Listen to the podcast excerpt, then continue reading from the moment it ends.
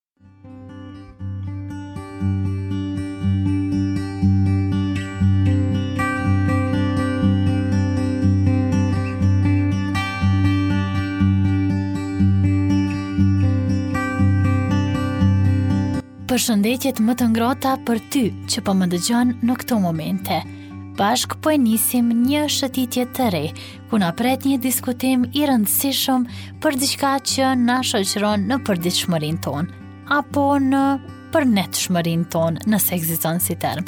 Do të flasim për gjumin, se si ndikon gjumi në mirëqenien tonë, por jo vetëm kjo, do të ndalmi pak tek ato gjëra të cilat nuk duhet t'i bëjmë para se të flemë dhe tek ushqimet të cilat duhet të kemi kujdes të mos i konsumojmë para gjumit.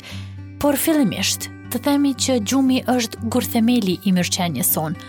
Nëse flemë të paktën 7 orë, atëherë hedhim hapa të rëndësishëm drejt shëndetit optimal. Mungesa e gjumit ka një ndikim të fortë e negativ, jo vetëm në humor dhe temperament, por edhe në aftësinë për t'u përqendruar në punët e përditshme. Ndikimi i parë vërehet në ushqimet që konsumojmë dhe sasinë e tyre.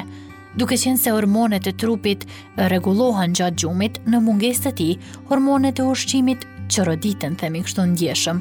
Si rrjedhojë, ndjesia e urisë shtohet përtej çdo imagjinate. Nuk është rastësi që kur jemi të pagjumë na hahet më shumë. Mendoj edhe ti ndonjëherë, a të ka ndodhur personalisht kjo. Po sot Ke fjetur mjaftueshëm kur je zgjuar në mëngjes? Sa orë gjumi ke bërë sot? Gjumi është i rëndësishëm sepse i jep kohë trurit dhe trupit të rimëkëmbet.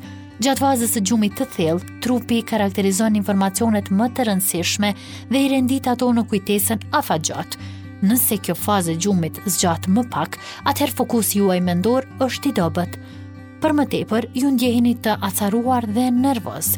Nëse flini më pak se 7 orë, atëherë do të përballeni me shtim në peshë, diabet, tension të lartë të gjakut dhe depresion larg qoftë në disa raste.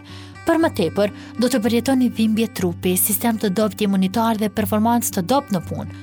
Gjumi i mirë duhet të jetë pjesë e prioriteteve tuaja të mirëqenies. Do të vazhdojmë të përmendim disa këshilla që sjellin sugjerohen nga psikologë të ndryshëm për mënyrën se si duhet të flini dhe sa duhet të flini mjaftueshëm për të garantuar mirëqenien e mendjes dhe trupit tuaj. Këshilla e parë thotë të vendosni një objektiv. Çfarë synon kjo?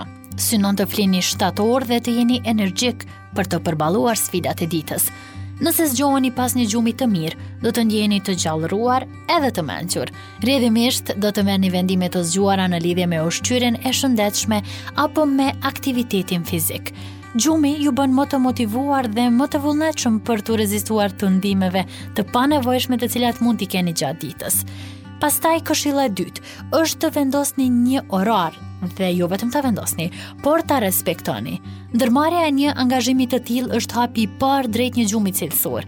Vendosni një orar, një rutinë tuajën dhe respektojeni apo mundohuni që ta respektoni sa më shumë. Fikni telefonin që t'i shmangni tundimet për të përgjuar të tjerët në rrjetet sociale dhe vendosni një alarm që t'ju kujtojë se është koha për të fjetur. Kur jemi te kjo pjesë, unë personalisht Arrij shumë shpesh që të djal jashtë kësaj rutine apo të dal jashtë këtij orari, për shkak të punës, për shkak të angazhimeve të përditshme dhe jo çdo herë arrijmë që të flejmë gjumë në të njëjtën kohë dhe të zgjohemi në të njëjtën kohë. Ndonjëherë na ndodh që të punojmë më gjatë në orët e vona dhe të mbesim më gjatë zgjuar, kështu që nuk arrijmë të kemi fiks atë orarin e gjumit të cilin e kemi të caktuar. Po kur jemi te pjesa e fikjes së telefonit, për shembull, unë çdo herë e fik telefonin para se të bie për të fjetur, apo ndoshta telefonin nuk e fik, por fik të gjitha lidhjet me internetin. Um, Mbetet telefoni i ndezur vetëm që të më bjerë alarmi në orët e para të mëngjesit. Dhe nëse jeni kurioz të dini në çfarë kohe zgjohem unë, zgjohem në orën 4:30 në mëngjes dhe në orën 5 nis punën.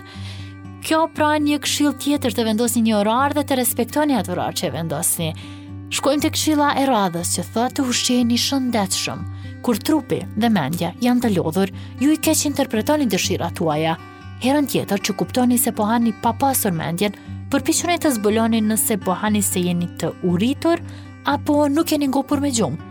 Lodhja me urinë ngatërrohen shpesh me njëra-tjetrën, kështu që mundohuni të ushqeheni sa më shumë me ushqime të shëndetshme. Qetësohuni, është këshilla e radhës. Jepini vetes kohë. Qetësohuni, merrni frymë thellë, shtendosuni dhe përqendrohuni tek momenti dhe jo tek ngjarjet e ditës. Nëse truri juaj gëlon nga mendimet, shkruaji ato në një letër para se të flesh.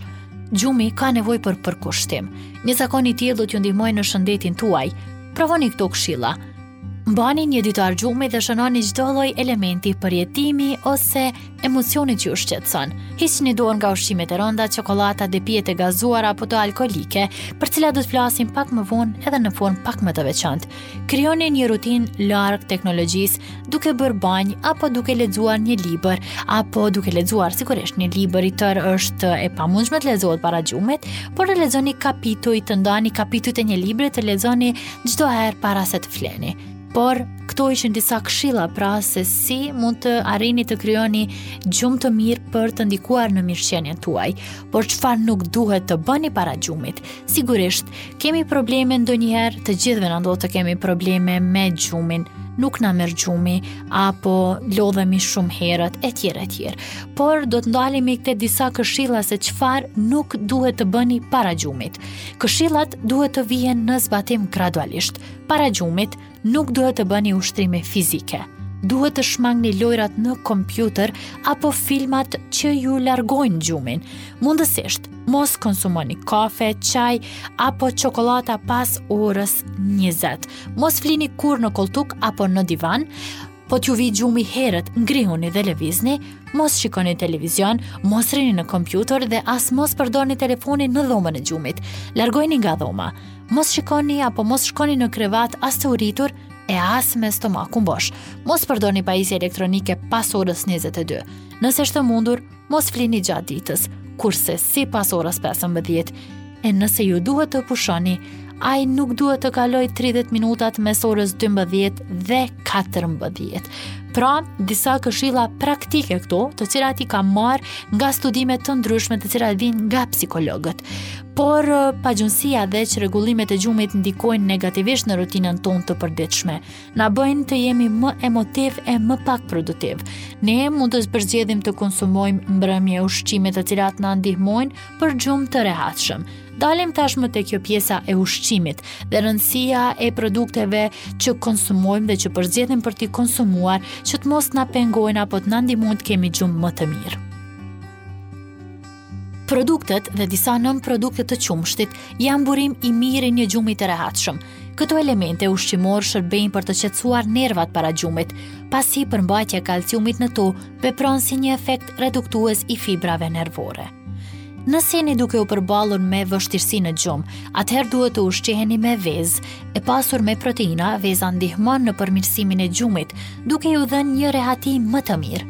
Studimet e fundit kanë treguar se drithërat, të cilat kanë përmbajtje të ulët të sheqerit, pra po e theksojmë, drithërat me përmbajtje të ulët të sheqerit ju ndihmojnë gjithashtu për një gjumë më të qetë. Mjalti në anën tjetër bën një ndryshim të madh në përmirësimin e gjumit tuaj. Hidhni pak mjaltë tek drithërat apo tek ndonjë ushqim tjetër i lehtë, të cilin do ta konsumoni përpara se të shkoni të flini. Nëse mund të mbështeteni tek këto ushqime për një gjumë të mirë, disa të tjera e bëjnë efektin e kundërt. Cilat janë ushqimet të cilat nuk këshillohen të konsumohen para se të flini? E tillë është çokollata me qumësht. E di, është e shijshme, është shumë e mirë sidomos në këtë periudhë të dimrit, kur është më ftohtë edhe kur kemi dëshirë që të konsumojmë një çokollatë të nxehtë para se të flajmë. por çokollata e nxehtë e cila nxit gjendjen e pagjumësisë nuk është shumë e këshillueshme, në fakt nuk është fare e këshillueshme, e pasur me tirozinë shkakton vigjilencë e irritim, gjë që ju mban zgjuar. Pastaj ushqimet pikante shkaktojnë ndjenjë shqetësimi që më pas reflekton edhe gjatë gjumit. Ndoshta kjo mund të jetë paksa e vështirë për t'u pranuar nga ata të cilët pëlqejnë domatet. Domatet kanë tendencë të shkaktojnë aciditet në stomak, prandaj nuk janë pjesë e atyre ushqimeve të cilat konsumohen para gjumit. Fakt këshillohet që domatet të jenë larg orarit të gjumit. Shkojmë tek mishi dhe nënproduktet ku bëjnë pjesë tek ushqimet që nuk duhet të konsumohen para gjumit, pasi sjellin vështirësi në tretje dhe përmbajnë lëndë kimike, të cilat çlirohen në tru duke sjellur pagjumësi. E këtë pjesë, duke shpresuar që kemi arritur t'sjellim këshilla të ndryshme, frytdhënëse gjithmonë, duke ju ndihmuar që të kalojmë në situata të ndryshme të jetës me t'cilat përballemi, të sjellim këshilla dhe forma të ndryshme se si mund të kemi më të lehtë përballimin, të ketë ndihmuar sadopak edhe kjo rubrikë apo edhe ky dëgjim i joni i radhës. E në fund të kësaj pjese do e mbyllim me një thënie shumë të bukur për ata të cilët kanë probleme me gjumin, por edhe për ata të cilët nuk kanë probleme me gjumin. Ka shumë rëndësi kjo që do e themi tash.